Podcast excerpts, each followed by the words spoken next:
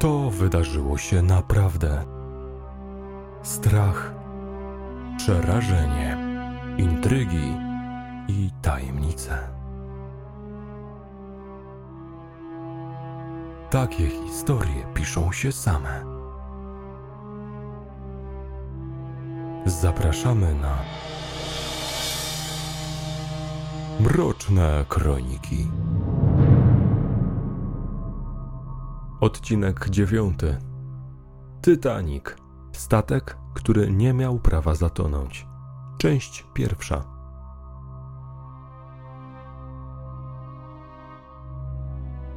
W poprzednim, ósmym odcinku naszego podcastu opowiedzieliśmy o Adolfie Eichmanie, zbrodniarzu wojennym, który przyczynił się do śmierci milionów ludzi w czasie II wojny światowej. Dzisiaj z kolei cofniemy się w czasie o kolejne kilkadziesiąt lat i opowiemy o katastrofie Titanica, do której doszło podczas dziewiczego rejsu tego statku przez Ocean Atlantycki w 1912 roku. Do tragedii tej jednocześnie dojść wcale nie musiało, a to, że w ogóle się wydarzyła, było splotem wielu niecodziennych okoliczności, a także pewnej dozy braku wyobraźni i brawury ze strony ludzi, którzy za Titanica odpowiadali. Zanim statek wyruszył w podróż, mawiano o nim, że jest praktycznie niezatapialny oraz że sam Bóg nie da rady go zatopić. Jak się jednak okazało, jednostka zatonęła w ciemną, chłodną noc podczas podróży z Southampton do Nowego Jorku, ciągnąc ze sobą na dno ponad 1500 ludzi. Było to ogromnym szokiem dla całego świata, gdyż w tamtych czasach statki uważano za bardzo bezpieczny i pewny środek transportu. W ciągu 40 lat poprzedzających katastrofę Titanica na pasażerskich statkach obsługujących szlaki północnoatlantyckie zginęły zaledwie cztery osoby. Dla wielu współczesnych abstrakcją było to, że taki kolos, w dodatku tak zaawansowany technicznie jak Titanic, mógłby zatonąć. Był kwintesencją osiągnięć współczesnej inżynierii, a także synonimem luksusu i przepychu. Miał być najsłynniejszym statkiem pasażerskim pływającym po wodach świata i rzeczywiście stał się nim, jednak z zupełnie innego powodu niż sobie to wymarzyli jego twórcy. Historia Titanica jest fascynująca i wyjątkowo ciekawa.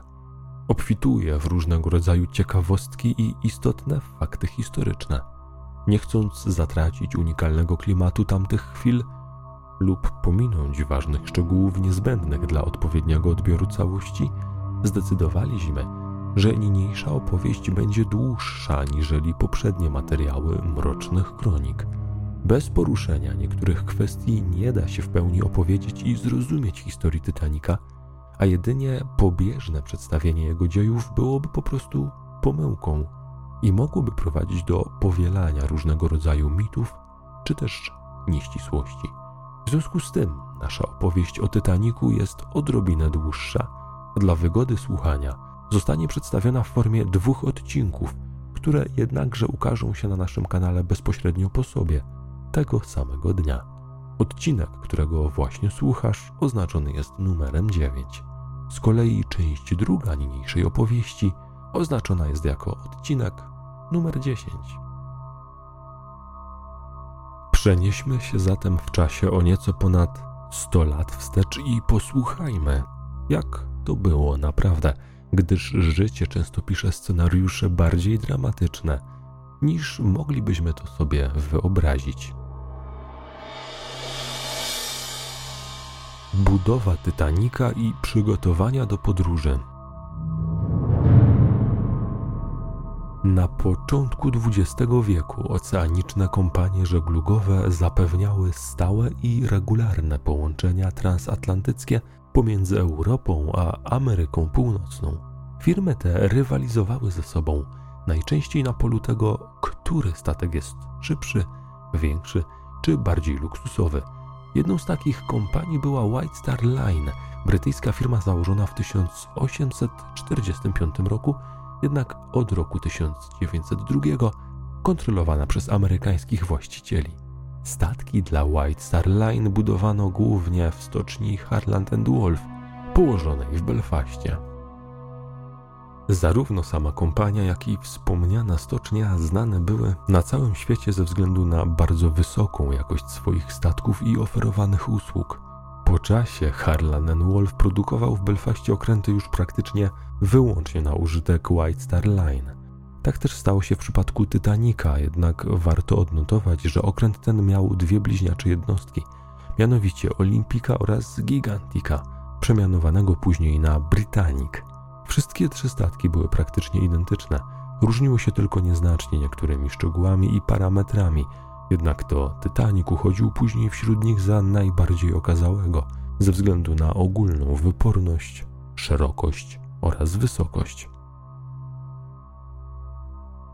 Koncepcja budowy tej serii okrętów narodziła się w 1907 roku jako odpowiedź na dwa inne luksusowe statki pasażerskie należące do konkurencyjnego wobec White Line przewoźnika. Chodzi tutaj o Lusitanie i Mauretanie, zwodowane w 1906 roku dwa bliźniacze parowce o unikalnym napędzie pozwalającym im na osiągnięcie imponującej w tamtych czasach prędkości około 26 węzłów.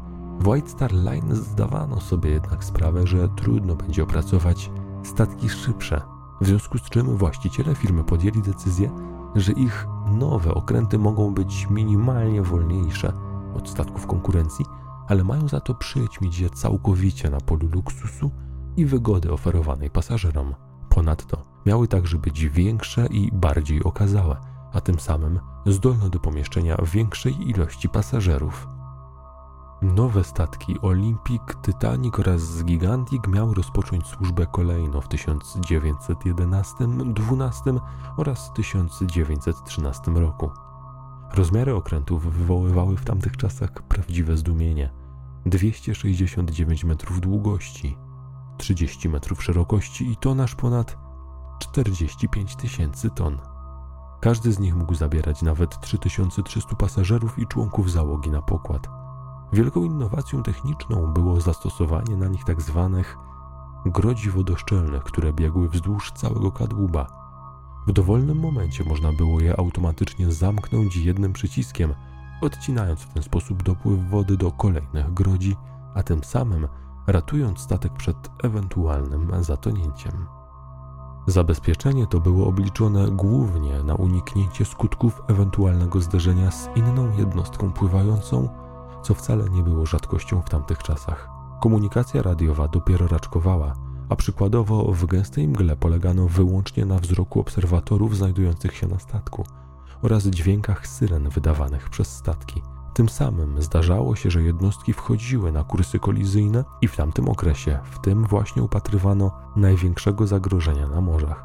Jak się wydaje, na taką okoliczność Titanic faktycznie był nieźle przygotowany i nawet w przypadku ewentualnej kolizji utrzymałby się na wodzie. Według konstruktorów miał wytrzymać praktycznie każdy wypadek na morzu, aczkolwiek trzeba uczciwie przyznać, że nikt ze strony kompanii White Star Line nigdy nie powiedział wprost, że statek jest całkowicie niezatapialny. Thomas Enrius, główny konstruktor Titanica, mówił wprost, że ryzyko zatonięcia istnieje, ale jest jedynie teoretyczne i bardzo mało prawdopodobne. Oczywiście prasa, a następnie opinia publiczna podchwyciła jednak hasło praktycznie niezatapialne, z którego wkrótce powtarzano wyłącznie ostatnie słowo. Tym samym wszędzie mówiło się tylko o tym, że Titanic jest innowacyjny i nie do zatopienia.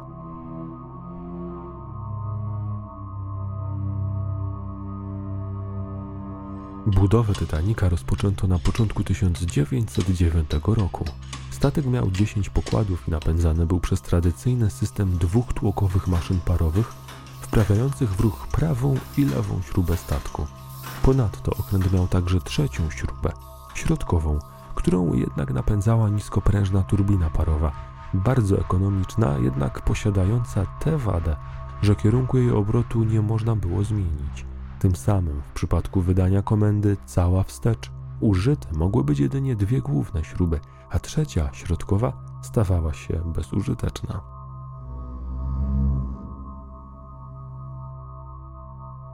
Łączna moc wszystkich silników wynosiła imponujące 55 tysięcy koni mechanicznych, co miało pozwalać na rozwijanie prędkości w granicach 24 do 25 węzłów, a więc o 1 do 2 węzłów mniej niż konkurencyjne parowce Lusitania i Mauretania. Maszyny parowe Titanica były wtedy największymi tego typu urządzeniami, jakie kiedykolwiek zbudowano. Każdy silnik miał ponad 12 metrów wysokości i był w stanie obracać ogromną śrubę o trzech skrzydłach w tempie nawet 80 obrotów na minutę. Oczywiście do wprawienia silników w ruch potrzebne były potężne ilości pary, która dostarczana była przez 29 kotłów o średnicy 6 metrów każde.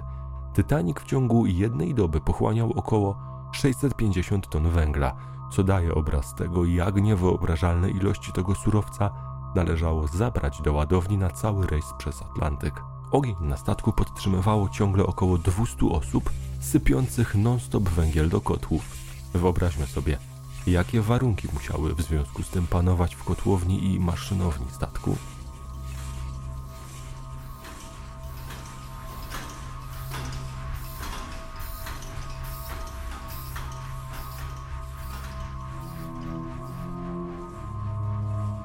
Dla kontrastu przenieśmy się w tym momencie do kabin pasażerskich.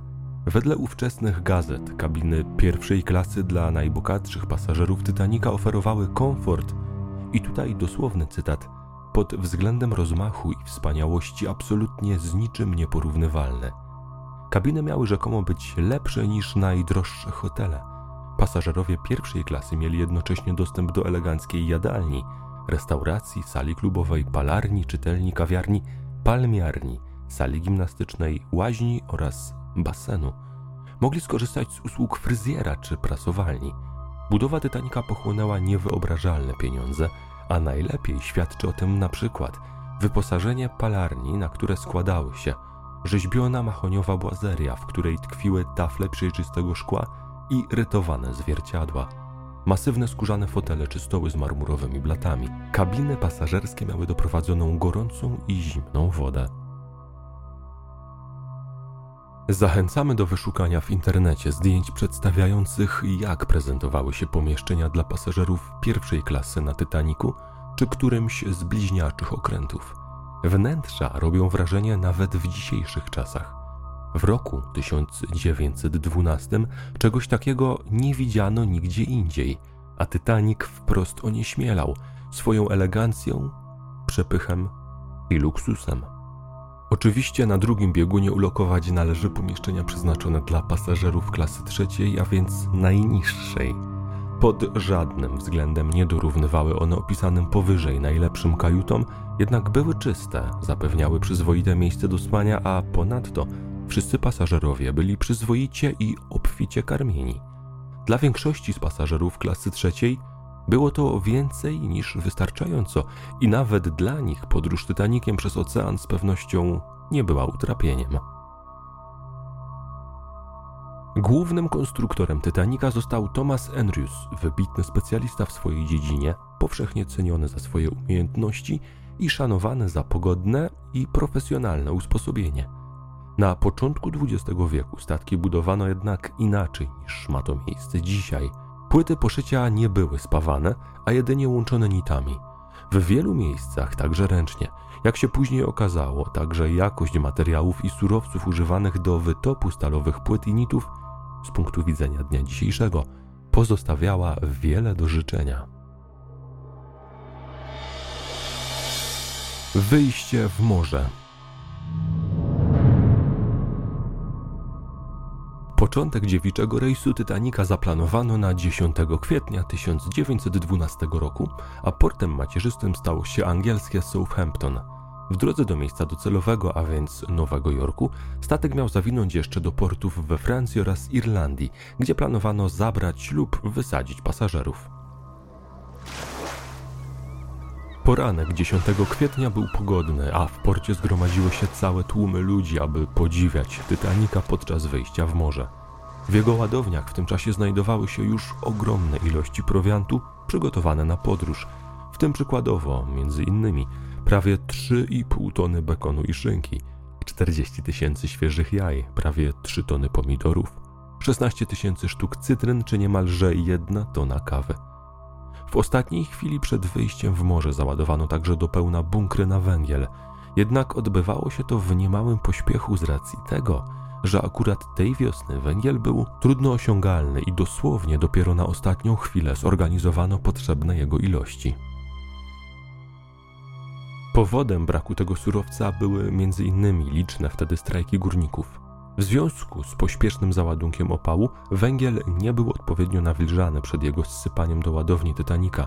Skutek był taki, że suchy węgiel i pył zaczęły tlić się w przylegającej do prawej burty zasobni kotłowni numer 5. Pożaru nie udało się do końca ugasić, przez co bunkier de facto tlił się lekko przez cały czas trwania rejsu, co oczywiście trzymano w ścisłej tajemnicy przed pasażerami. Przed wejściem w morze Titanic przeszedł odpowiednią inspekcję, którą przeprowadzała brytyjska izba handlu. Zgodnie orzeczono, że statek spełnia wszystkie co do najdrobniejszego szczegółu normy bezpieczeństwa żeglugi i jest gotowy do drogi. W tym miejscu należy zwrócić uwagę na przepisy dotyczące szalub ratunkowych. W owym czasie Izba Handlu posługiwała się skomplikowaną formułą matematyczną, która określała minimalne wymogi dotyczące pojemności tychże szalup. Niestety, przepisy te były już wtedy kompletnie archaiczne, zostały stworzone wiele lat wcześniej dla statków de facto czterokrotnie mniejszych niż Titanic, kiedy nikt jeszcze nie przypuszczał, że takie kolosy kiedykolwiek powstaną. Skutek był taki, że zgodnie z tą przestarzałą formułą Titanic powinien posiadać na pokładzie szalupy i tratwy zdolne pomieścić łącznie 962 osoby. Okręt spełniał te wymogi nawet z nawiązką, gdyż zamontowano na nim dodatkowe składane szalupy, przez co w teorii ratownicze jednostki pływające mogły na Titaniku pomieścić łącznie 1178 osób. Jednocześnie, co szokujące, nikomu zdawał się nie przeszkadzać fakt, że Titanic był zdolny zabierać na pokład nawet ponad 3000 osób. Oznaczało to, że miejsce na szalupach było dla mniej niż połowy pasażerów. Oczywiście informacji tych nie rozpowszechniano publicznie i tak naprawdę mało kto na pokładzie Titanica wiedział o tym, ile dokładnie miejsc posiadają łodzie ratunkowe. Odrębną kwestią jest to, że tak naprawdę mało kogo to interesowało. Jak już jednak wspomnieliśmy, od 40 lat nie wydarzyła się żadna poważna tragedia na liniach atlantyckich, a ponadto panowało powszechne przekonanie, że Titanic czy Olympic są de facto jednostkami niezatapialnymi. Wszystko to uśpiło czujność osób odpowiedzialnych za budowę tych okrętów oraz przedstawicieli Izby Handlu, którzy przeprowadzali inspekcję. Owszem, w trakcie projektowania Titanica pojawiła się koncepcja wyposażenia go w aż 48 szalub ratunkowych, co gwarantowałoby miejsce wszystkim jego pasażerom, jednak dyrektor White Star Line, Bruce Ismay, o którym jeszcze wspomnimy później, zdecydował, że byłby to jedynie zbędny wydatek, a ponadto statek spełnił przecież wszystkie wymogi bezpieczeństwa, posiadając jedynie połowę tej ilości szalup. W dodatku pan Ismay uznał, że nie można straszyć ludzi widokiem aż takiej masy szalup na pokładzie, bo nijak nie pasowałoby to do powszechnego przekonania, że Titanic jest niezatapialny. Tym samym część pasażerów mogłaby się wystraszyć i zrezygnować z rejsu.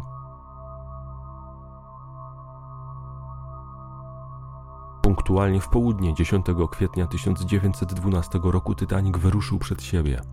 Pojedynczy, długi i głęboki ryk syren okrętowych dał znak, że podróż się rozpoczyna. Woda zakotłowała się za rufą, kiedy trzy potężne śruby zaczęły się obracać. Tłum ludzi na statku oraz na nabrzeżu klaskał i wiwatował. Było to w końcu wydarzenie niecodzienne, zapadające w pamięć na długo. Ostatecznie, po odwiedzeniu wszystkich portów pośrednich, o których wspomnieliśmy, Titanic zabrał w swoją pierwszą i ostatnią podróż przez ocean prawie 900 członków załogi oraz ponad 1300 pasażerów, ulokowanych w pomieszczeniach podzielonych na trzy klasy.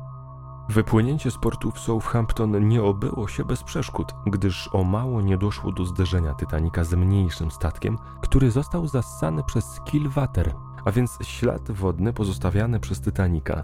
Na szczęście zdarzenia udało się ostatecznie uniknąć, jednak incydent ten potraktowany został jako zły omen i wystraszył niewielką część pasażerów, przez co niektórzy z nich postanowili wysiąść już w następnym porcie.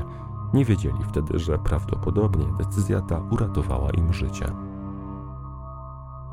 Już w czasie podróży z Southampton do Cherburga załoga Titanica zdała sobie sprawę z faktu, że na bocianim gnieździe brakuje lornety obserwacyjnej.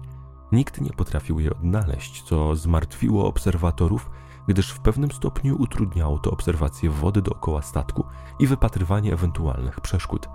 Do tematu tejże lunety jeszcze wrócimy. Kapitanem Titanica został mianowany Edward Smith, wieloletni pracownik White Star Line, posiadający 40-letnie doświadczenie na morzu, a w dodatku potrafiący dowodzić tak ogromną jednostką, gdyż przez ostatnie kilkanaście miesięcy był kapitanem Olimpika. Praktycznie rzecz ujmując, na całym świecie nie było lepszego kandydata na dowódcę Titanica, gdyż poza nim nikt nie dowodził dotychczas tak dużymi okrętami. Ten rejs miał być jego ostatnim, przed przejściem na emeryturę i był to niejako ukłon w jego kierunku ze strony White Star Line, za lata wiernej i bezproblemowej służby. Chciano w ten sposób uhonorować jego zasługi i karierę przez umożliwienie mu podróży na największym, najbardziej eleganckim i najbezpieczniejszym statku świata. Dla pasażerów także miało to niemałe znaczenie prestiżowe, gdyż znaleźć się w tamtych czasach na statku dowodzonym przez kapitana Smitha było niemałym wyróżnieniem.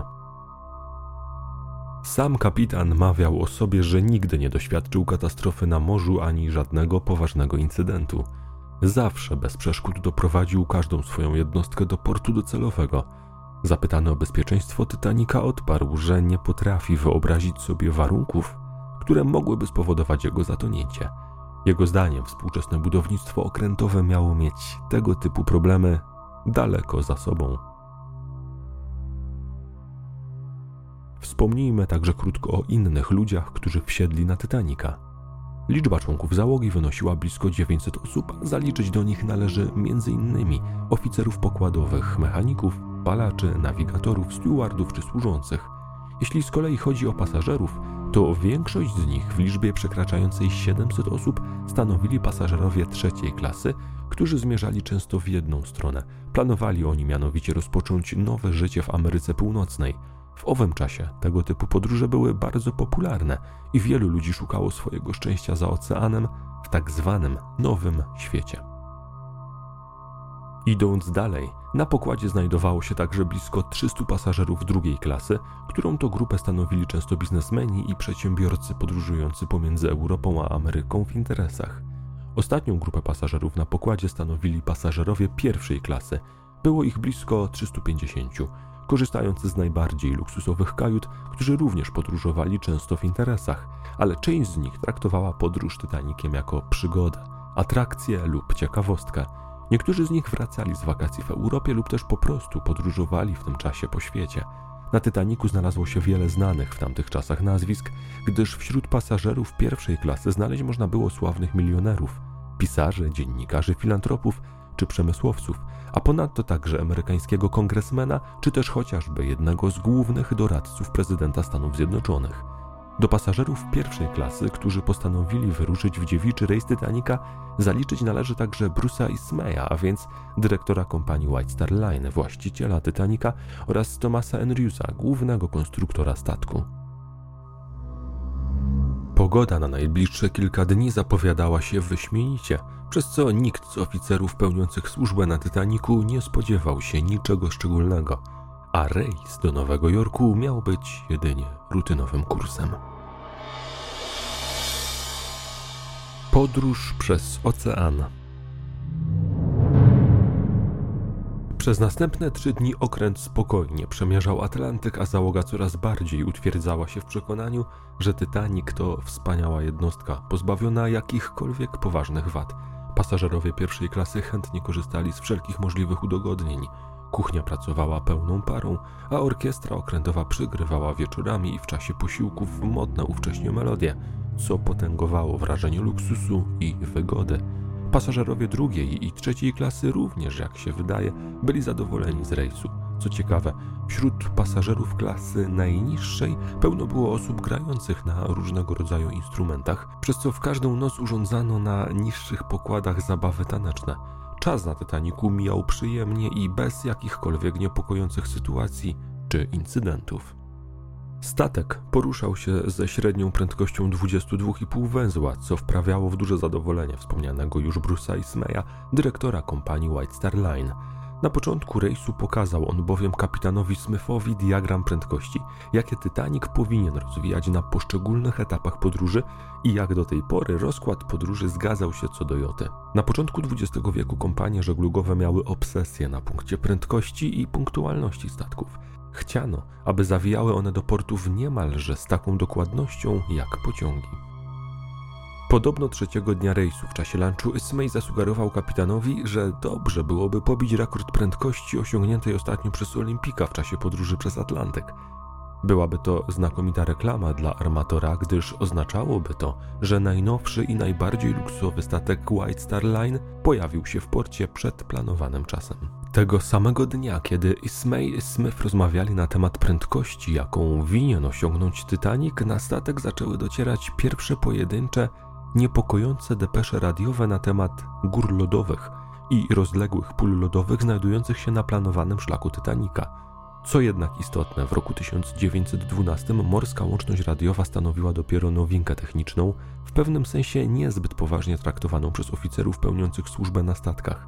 Radiotelegrafiści częściej zajmowali się przekazywaniem na ląd prywatnych wiadomości od pasażerów, aniżeli komunikatów oficerskich czy nawigacyjnych – przez co radio stanowiło raczej synonim atrakcji i zabawki, a nie poważnego narzędzia komunikacyjnego.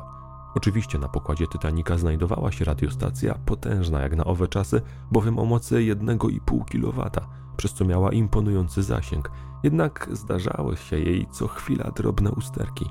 Istotnym problemem był także fakt, że w owym czasie brakowało jakiejkolwiek standaryzacji odnośnie obsługi radia, pełnionych dyżurów przy nadajniku, czy też przepisów określających, komu konkretnie należy przekazywać depesze ostrzegawcze odebrane od innych statków będących w okolicy. Tym samym czasem depesze takie docierały do uszu kapitana, a innym razem pozostawały na zawsze na biurku radiotelegrafisty.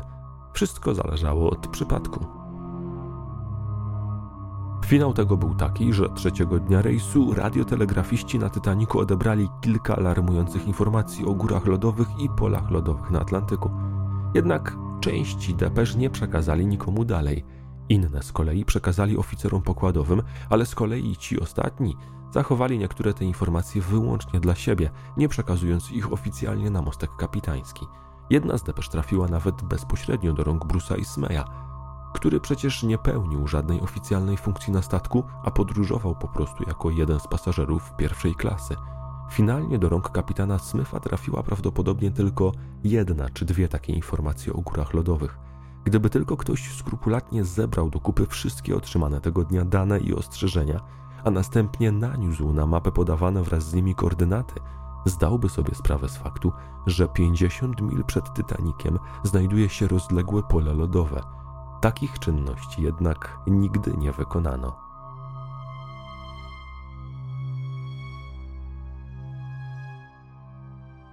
Ostatnia noc.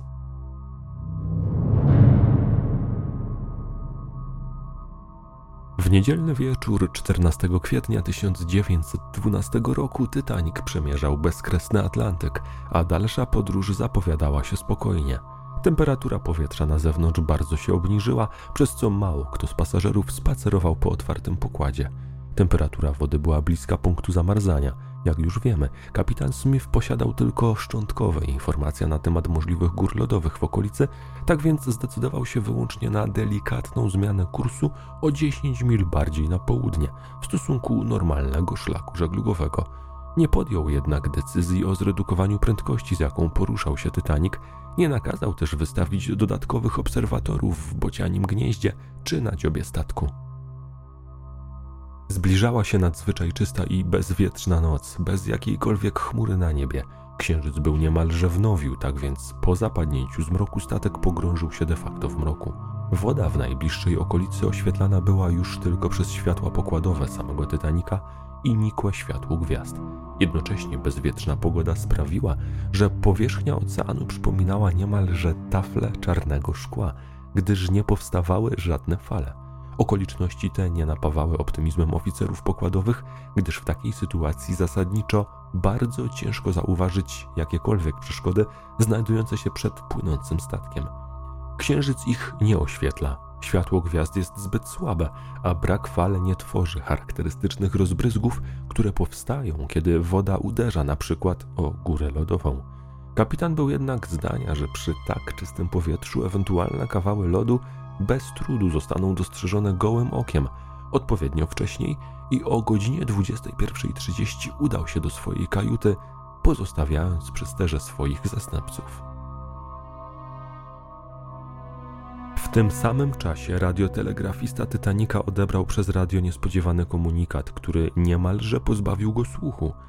Sygnał został wysłany przez jakiś statek znajdujący się bardzo blisko, przez co był wyjątkowo mocny. Depesza brzmiała: Jesteśmy otoczeni przez lód i zastopowaliśmy. Komunikat ten zirytował radiotelegrafistę Titanika, gdyż został nadany na używanej przez niego akurat częstotliwości bez jakiegokolwiek ostrzeżenia, przerywając mu normalne nadawanie, a w dodatku w tak brutalny i ogłuszający sposób. Natychmiast zażądał, aby osoba po drugiej stronie zakończyła transmisję i zdenerwowany zignorował otrzymane ostrzeżenie, nie przekazując otrzymanej informacji nigdzie dalej. Mijały kolejne minuty, a obserwatorzy w bocianim gnieździe Titanika byli maksymalnie skoncentrowani. Zdawali sobie sprawę z faktu, że mimo przejrzystego powietrza, wypatrzenie ewentualnych gór lodowych jest ogromnie trudne, ze względu na bezksiężycową noc i brak jakichkolwiek fal, które mogłyby sugerować obecność dużego obiektu podczas rozbijania się o jego podstawę. Ponadto, jak pamiętamy, obserwatorzy na Titaniku nie dysponowali lunetą obserwacyjną.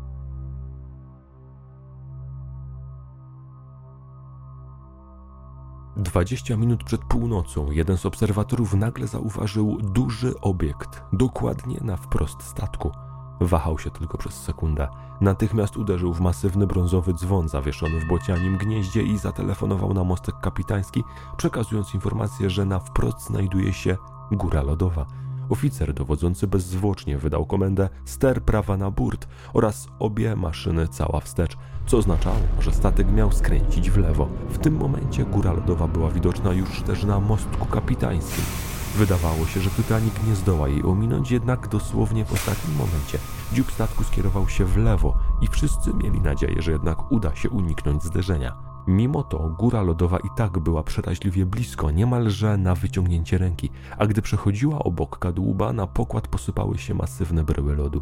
Góra była ogromna. Osoby, które stały wtedy na pokładzie, wspominały, że trudno było dojrzeć jej wierzchołek, kiedy statek przepływał bezpośrednio obok niej. Obserwatorzy zrozumieli w tym momencie, że była to tak zwana niebieska góra lodowa, a więc taka, która niedawno obróciła się o 180 stopni i na powierzchni wody znajdowała się ta część, która jeszcze niedawno była pod wodą. Tym samym lód był pociemniały od wody morskiej i przez to jeszcze trudniejszy do zauważenia. W momencie, kiedy Titanic mijał górę lodową, dało się słyszeć złowrogi zgrzyt i tarcie, przypominający dźwięk, jaki wydaje piła tnąca metal. Lekko zagrzechotały naczynia rozstawione na stołach w jadalni pierwszej klasy. Delikatny wstrząs obudził niektórych pasażerów. Od momentu dostrzeżenia przeszkody do chwili, kiedy pasażerowie usłyszeli ten dźwięk i poczuli uderzenie, minęło nie więcej niż 40 sekund. Natychmiast zamknięte zostały wodoszczelne drzwi do kotłowni i maszynowni Titanika. Członkowie załogi znajdujący się wtedy w najniższych bagażowych częściach statku usłyszeli odgłos wody wdzierającej się do wnętrza kadłuba – Obudzono kapitana Smyfa, który natychmiast pojawił się na mostku. Na skutek zderzenia z górą lodową puściły niektóre nity poszycia kadłuba, stalowe blachy wygięły się w kilku miejscach i statek powoli zaczął nabierać wodę. Większość pasażerów nie zdawała sobie wtedy jednak sprawy z tego, co tak naprawdę się dzieje, i na statku jeszcze przez kolejnych kilkadziesiąt minut panowała niczym niezmącona atmosfera. Jedyne, co zaczęło zastanawiać, co po niektórych, to fakt, że maszyny nie pracują i statek de facto stoi w miejscu. Kapitan Smith po wysłuchaniu raportu podwładnych, którzy dokonali szybkiej inspekcji statku, nie miał już po kilku minutach wątpliwości, że sytuacja jest poważna. Niektóre z ładowni były już wtedy pełne wody, przez co natychmiast posłano po Thomasa Andrewsa, głównego konstruktora statku. Obaj panowie udali się na oględziny, po których nie mieli już żadnych wątpliwości co do dalszych losów Titanika. Okręt przygotowany był na ewentualne zderzenie z inną jednostką. posiadał system grodzi wodoszczelnych, jednak nikt nie projektował go na zderzenie z górą lodową, które spowoduje zniszczenie poszycia w tak wielu miejscach. Titanic mógł utrzymywać się na wodzie, mając zalane maksymalnie cztery przylegające do siebie dziobowe komory wodoszczelne. W momencie jednak, kiedy uszkodzonych było sześć grodzi, a tak właśnie stało się teraz, woda po zalaniu pierwszych sześciu komór spowoduje takie przechylenie statku, że zacznie przelewać się górą ponad grodziami i zaleje komorę siódmą, a później kolejną i kolejną, cały czas zwiększając przechył statku i zalewając kolejne pokłady i przedziały. Andrews był pewien tego, że w ciągu najbliższej półtorej godziny statek pójdzie na dno. Jednocześnie kapitan Smith spojrzał na urządzenia rejestrujące przechył okrętu i zauważył, że Titanic ma już 5 stopni przechylenia na prawo i 2 stopnie przechylenia na dziób. Panowie byli zdruzgotani.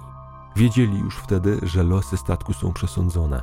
Jednocześnie jako jedni z nielicznych na pokładzie mieli świadomość tego, że na statku znajduje się w tym czasie ponad 2200 ludzi, a miejsc w szalupach ratunkowych wystarczy zaledwie dla 1178 osób, co oznaczało wyrok śmierci dla połowy z nich.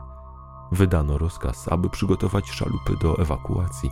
Pasażerowie mieli także założyć kamizelki ratunkowe, a tragiczna wiadomość o tym, że Titanic tonie, zaczęła powoli rozprzestrzeniać się pośród pasażerów.